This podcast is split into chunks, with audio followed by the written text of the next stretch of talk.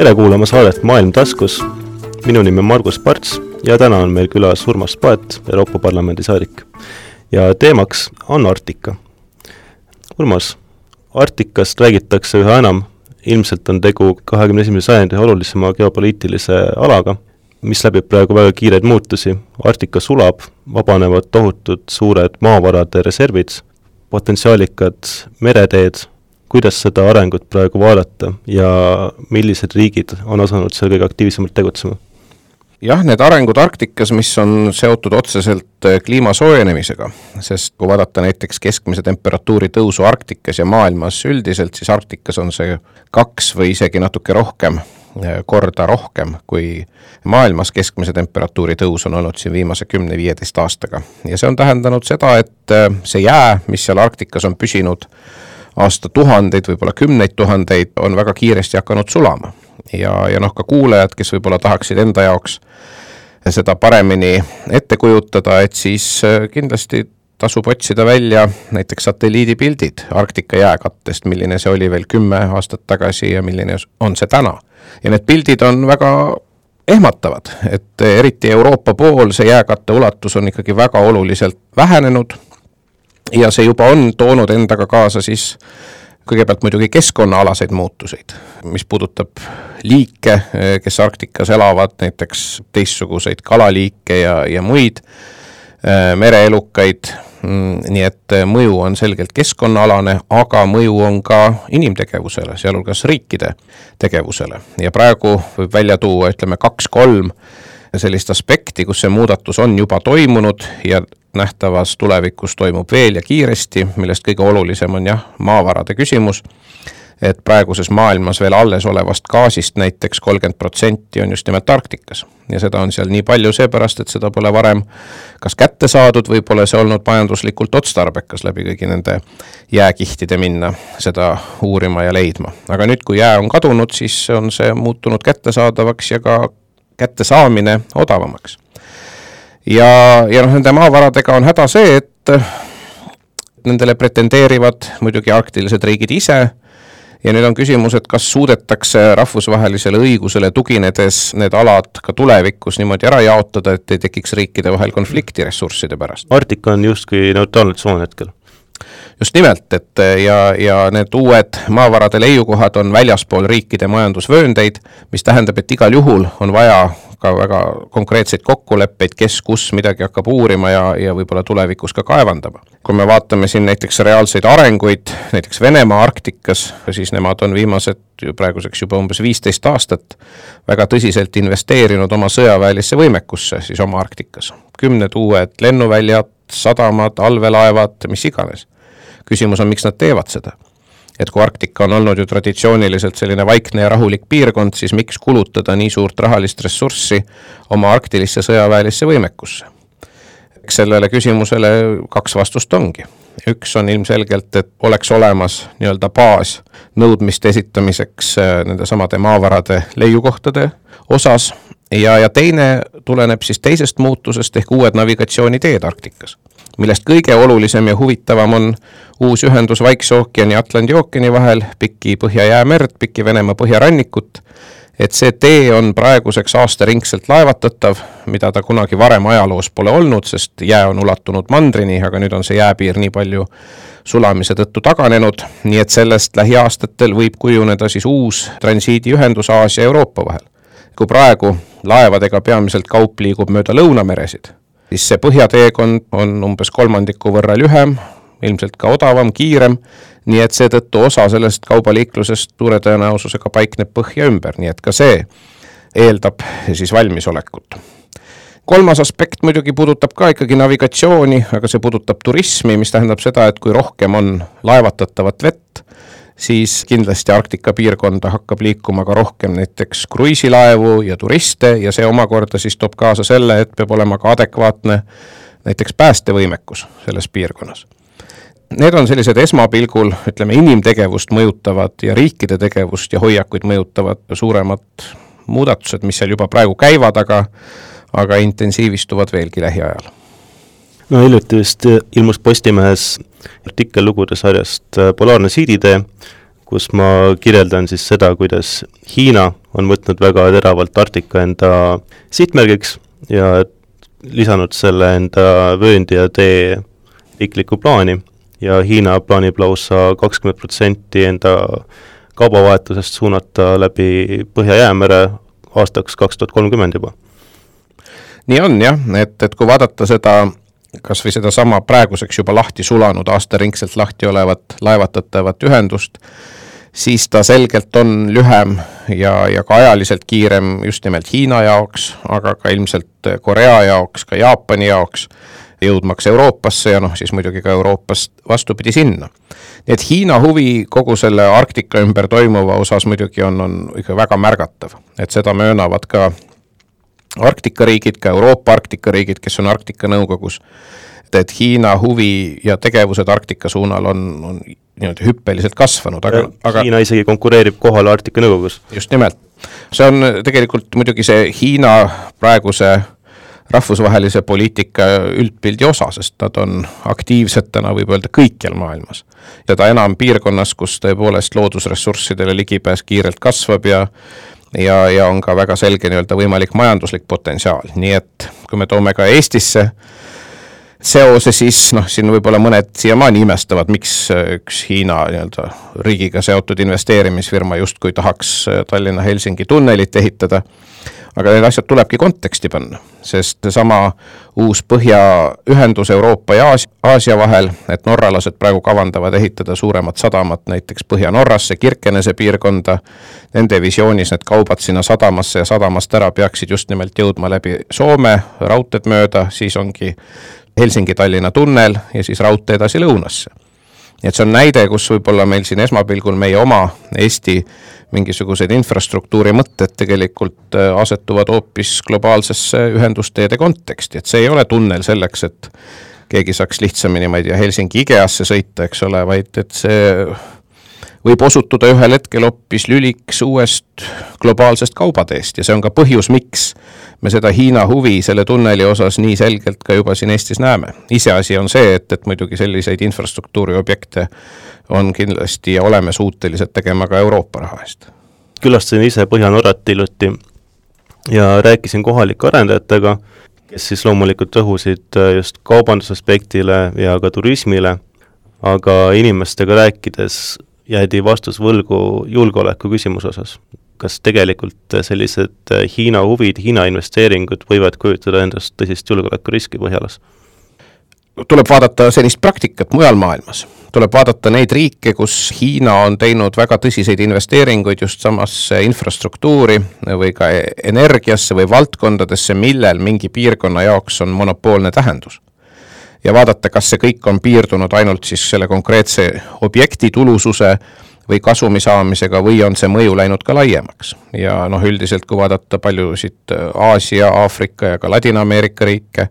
ja täna juba ka Euroopat, noh Serbiat näiteks ja mõnda veel Balkanil, kus äh, Hiina on teinud olulisi investeeringuid,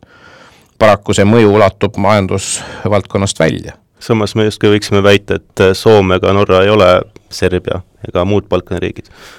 jah, ja järgmise lausega ma sinna jõuangi, et see kõik tegelikult äh, sõltub ikkagi sellest konkreetse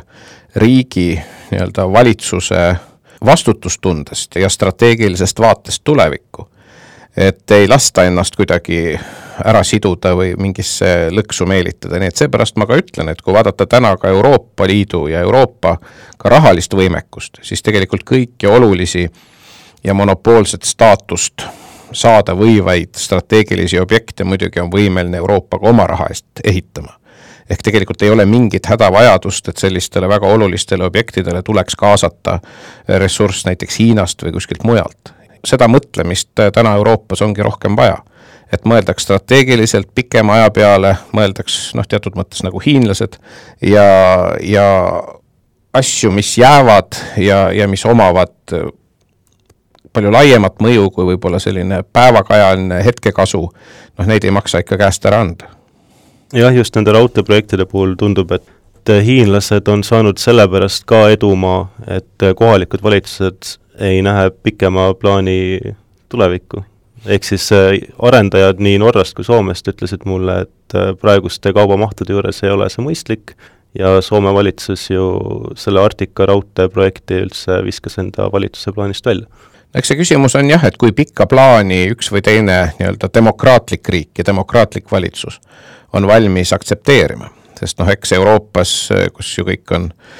demokraatid ja enamik parlamentaarset demokraatiat, häda on see, et plaanid kipuvad olema valimistest valimisteni. noh, äärmisel juhul ainult midagi kaugemat. sellelaadseid väga põhimõttelisi investeeringuid ja pikaajalisi projekte, siis peabki olema nagu motivatsiooni mm, toetada asju, kus äh, võib-olla see tänane valitsus teeb ainult kulusid ja ka veel järgmine valitsus teeb kulusid ja tulu hakkab tulema alles aastate või aastakümnete pärast isegi. nii et ütleme, et sellist strateegilist visiooni ka Arktikas, ka Arktikaga seonduvas kindlasti on vaja oluliselt rohkem. nagu sa enne mainisid, siis selleks, et Arktika muutuks laevatatavaks, ei ole vaja mitte ainult jää sulamist, vaid on vaja ka teatud kriitilise taristu loomist nüüd kui olukorras, kus äh, sinna panustab väga suurelt Venemaa ja väga suurelt panustab Hiina, siis kas see tegelikult äh, toob kaasa Euroopale teatud reservatsioone sellesama marsruudi kasutamisel? lõppude lõpuks, eks see kõik hakkabki sõltuma muidugi hinnast ennekõike, sest üldiselt ju vedajad, kaupade vedajad on erasektor, mitte niivõrd riik. ja, ja noh, teiseks jah, turvalisus ikkagi ka. et eks need saavad olema peamised faktorid. selge, et kui mingisugune oluline osa Aasia-Euroopa vahelisest kaubavahetusest liigub sellele põhjateele, mida suures osas kontrollibki Venemaa, siis noh, see on oluline erinevus selle täna toimiva lõunapoolse marsruudiga, kus ju ühte selget kontrollivat riiki selle marsruudi osas ei ole,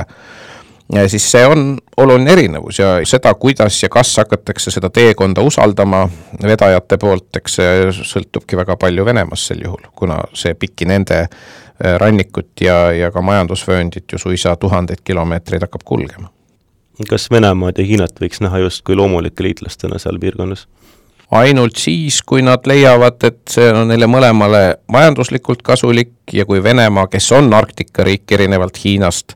ei tunneta seda, et kuidagi Hiina Arktikas hakkaks teda varjutama. sest antud juhul ei ole tegemist mingisuguse kolmanda piirkonnaga kuskil mujal, vaid tegemist on ikkagi Venemaa enda endaga osaliselt ja, ja tema nii-öelda kõhualusega, mida ta on ka sümboolselt, poliitiliselt ju pidanud väga oluliseks kogu aeg. mäletatavasti ei olnudki väga palju aega tagasi näiteks, kui seal Vene sukeldööd ju panid põhjapoolusele suisa Vene lippu sinna ülesse, vee alla siis.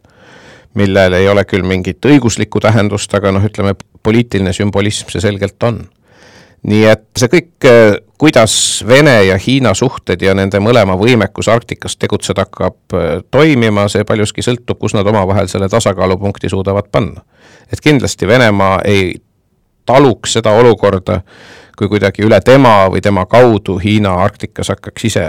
domineerima mingites asjades. Nii et äh, omavahelises suhtluses pigem justkui trumpkaart oleks Venemaa käes, kes saaks ka võib-olla muudel teemadel natukene kaalukamat enda no ta, Venemaal on igal juhul selles mõttes trumpkaart, et ta on seal kohal ja väga suures, suures mahus kohal. et ikkagi, kui vaadata täna siis Arktika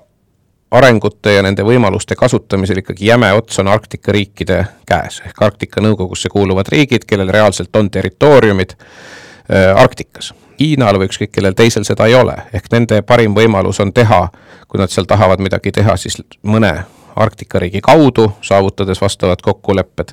päris nagu iseseisvalt üle minna ja kuidagi tegutseda, et see saab olema igal juhul väga komplitseeritud ja ja ega Arktika riigid, Arktika Nõukogu riigid kindlasti seda soosivalt ei vaata. No sa oled teinud üleskutse, et Eesti võiks äh, oluliselt aktiivsemalt tegeleda Arktika teemaga ja taotleda ka Arktika Nõukogus vaatleja kohta. mida see annaks Eestile? jah, ma olen seda juttu nüüd umbes vist viis või kuus aastat ajanud, et et Eesti võiks Arktika Nõukogus vaatlejaliige olla, põhjused on needsamad, millest me enne rääkisime, kõik need suured muudatused Arktikas, mis Eestit paratamatult hakkavad mõjutama, nagu me näeme sellesama navigatsiooni ja ühendusteede jutu puhul võib see meid hakata mõjutama päris otseselt, kui see põhjapoolne ühendustee Aasia-Euroopa vahel käiku lähebki ja sealt edasi eh, mingid suunad eh, võivad hakata ka liikuma läbi Eesti, nii et see on väga otsene, aga selge, et ka keskkonnaalased muutused selles meie suhteliselt lähipiirkonnas mõjutavad meid otseselt. Ja kui ka tüliks peaks minema või mingiks konfliktiks näiteks eh, maavarade teemal, siis jälle tegemist on meie naabritega. see on Venemaa, see on Soome, see on Rootsi, kes kõik on Arktika riigid nii et ka täna, kui kaarti vaadata, siis Eesti on lähim, Arktikale lähim riik, kes ei, ei ole Arktika Nõukogu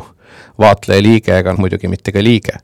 nii et võttes kõike seda arvesse, siis ma arvan, et on igal juhul mõistlik, et kui meil võimaldatakse, siis meil tuleks olla seal kohal nende arutelude juures, et saada tunnetust nendest hoiakutest, kuidas need asjad seal edasi võivad hakata arenema, mis on nende Arktika riikide, kellest paljud on meie naabrid Eh, hoiakud ja suhtumised nendesse protsessidesse, ehk ka see tunnetuse saamine on vajalik. muidugi, me peame ka ise panustama. kõige mõistlikum või lihtsam panustamine on eh, mingisuguse teadustöö valdkonna kaudu, mis puudutab ökoloogiat või keskkonda näiteks, aga ka Euroopa Liidu kaudu olla senisest aktiivsem Arktika küsimustes, sest Euroopa Liit siiski on päris oluline näiteks ka praktiline investeerija Arktikasse, mis puudutab kõikvõimalikke kommunikatsioone ja infrastruktuuri näiteks siis Euroopa riikide Arktika osas ja ka siin Eestil kindlasti võiks ju ka olla midagi öelda näiteks kogu selle digitaliseerimise teemade osas ja, ja infotehnoloogia arengute osas ka näiteks nendes piirkondades, olla siis toetaja, kaasaaitaja näiteks Euroopa Liidu kaudu ja ometi, nagu sa mainid, siis Euroopas tihtipeale käivad asjad valimistest valimisteni ja tegelikult väga palju selle teemaga justkui vist ei tegeleta veel jah, et see arusaam üldiselt on olnud kuidagi selline, et see Arktika on üks kauge ja pime koht ja seal midagi ei toimu ja meil ei ole mingit huvi. aga nagu need aastad on näidanud, siis, siis toimub, muutub ja need muutused ei pruugi olla positiivsed, paraku kui vaadata kas või ka seda trendi, et eh, nendesamade vaatlejaliikmete hulka Arktika Nõukokku on tänaseks juba pürginud mitmed Euroopa riigid, need, kes on geograafiliselt palju kaugemal, ka mitmed Aasia riigid, Singapur näiteks, eks ole, kes on ka ütleme, suhteliselt kaugel Arktikast. see räägib seda keelt, et, et see piirkond ja selle piirkonnaga seonduv on saanud järjest olulisemaks. mitmel Euroopa Liidu riigil näiteks on ka omaenda rahvuslik Arktika strateegia, mis käsitlebki erinevaid aspekte, alates keskkonnast, julgeolekust, majandusest, kõigeni välja nii et ka Euroopa Liit kui selline tervikuna peab Arktika osas nüüd võtma kiiresti aktiivsema hoiaku, et vaja on ka Euroopa Liidu enda kui terviku Arktika strateegiat, mitte seda, et mõnel liikmesriigil on ja mõnel ei ole. ja mis Eestit puudutab, siis veel kord, see on meie vahetu naabrus kus on ilmselge, et me peaksime olema arengutega kursis ja kus võimalik, siis üritama positiivse poole pealt äh, kaasa aidata. no me oleme seni püsinud siinpool ookeani, aga tegelikult ju väga suured Arktika-alad on ka Ameerika Ühendriikidel ja Kanadal. oskad sa anda mingi ülevaate, kuidas seal seda nähakse? kui siin niimoodi pool läbi, ma ei tea, huumoriprisma öelda, noh siis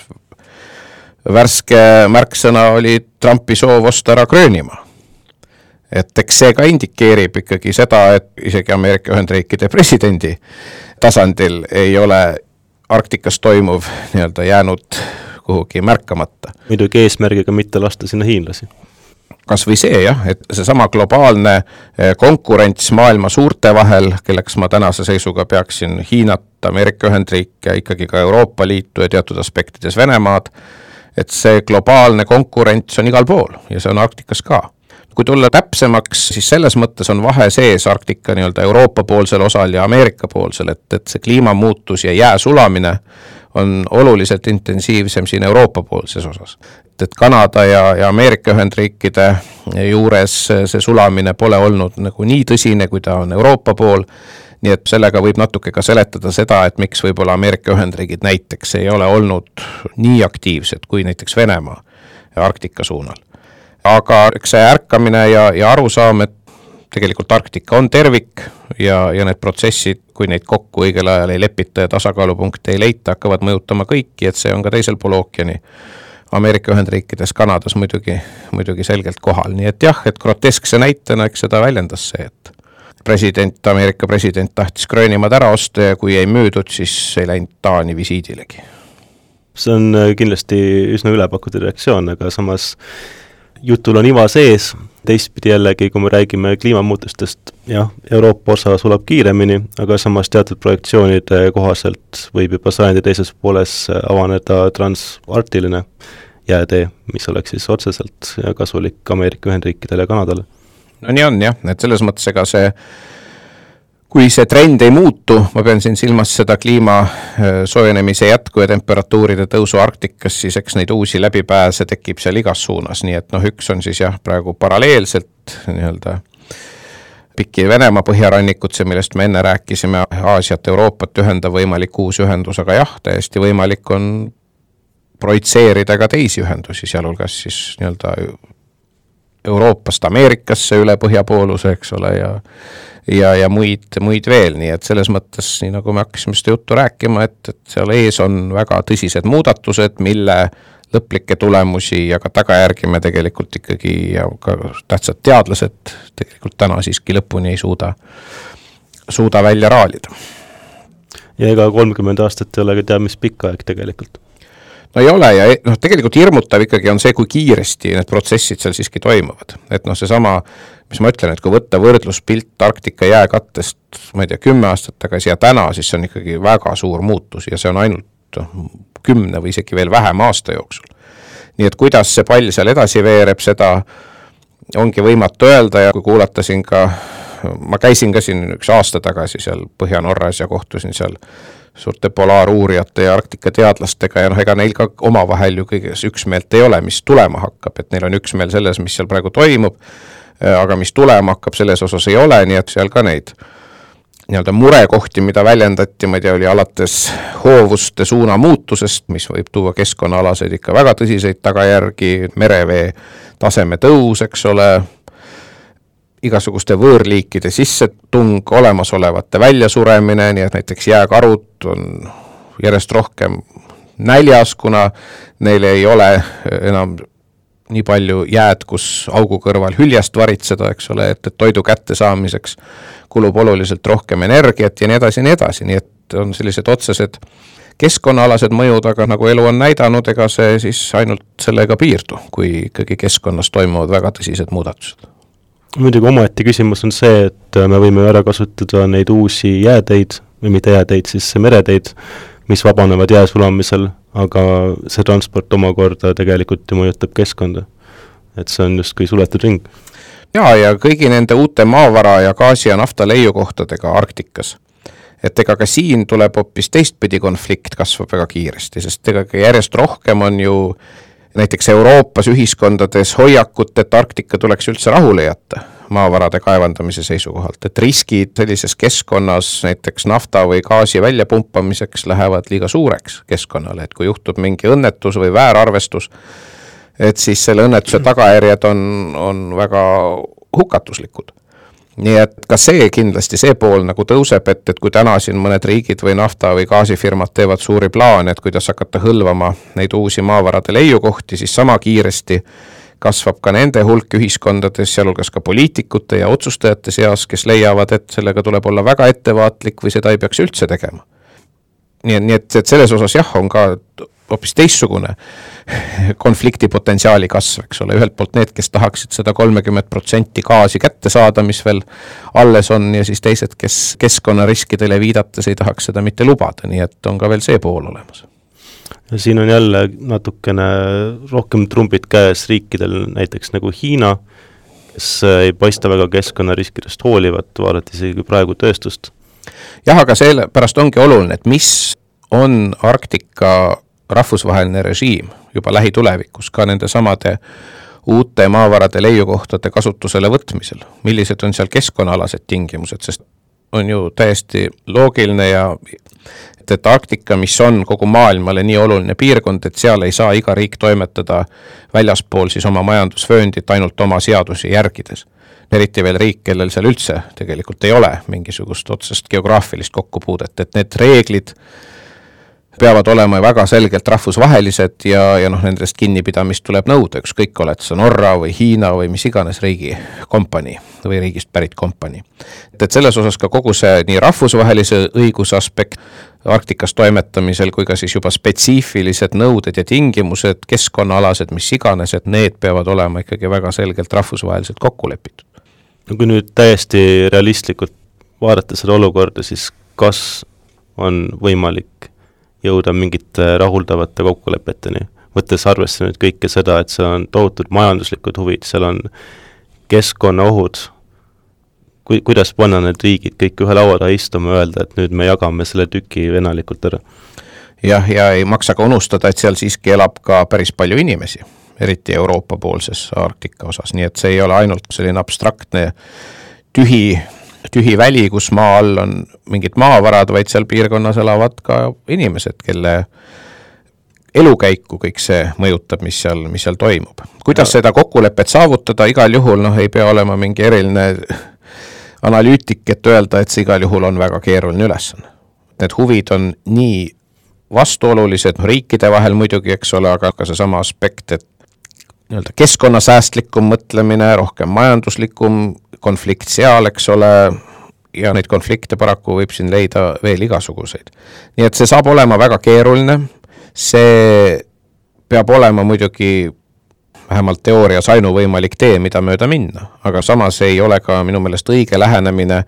et öelda, et Arktika on olnud aastakümneid vaikne ja rahulik piirkond ja kõik seal nii ka jätkub, et ärme siin hirmuta kedagi, ärme räägi julgeolekust ja millest veel, et noh, seda suhtumist ma kohtan ka ikka veel, kui ma näiteks Euroopa Parlamendis Arktika teemadega tegelen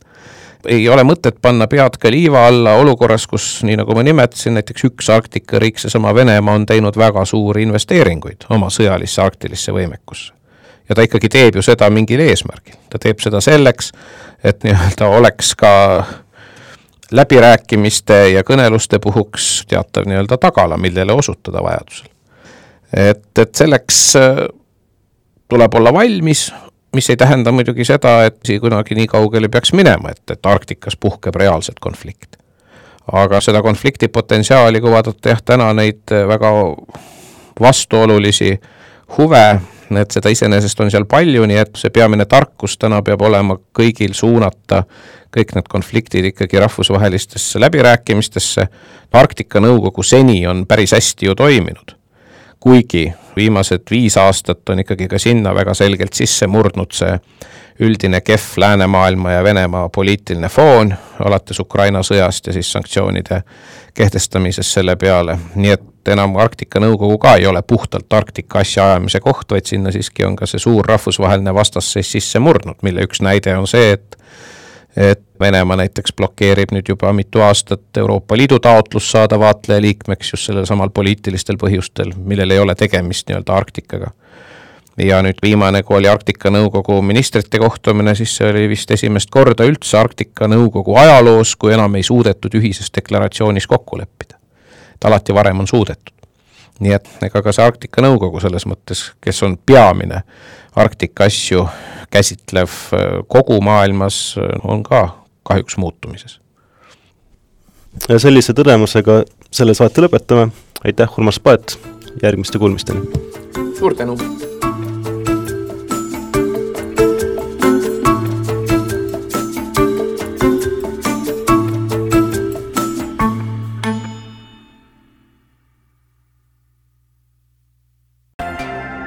Kogu saade on kuulatav Postimehe digipaketi tellijatele veebilehel podcast.postimees.ee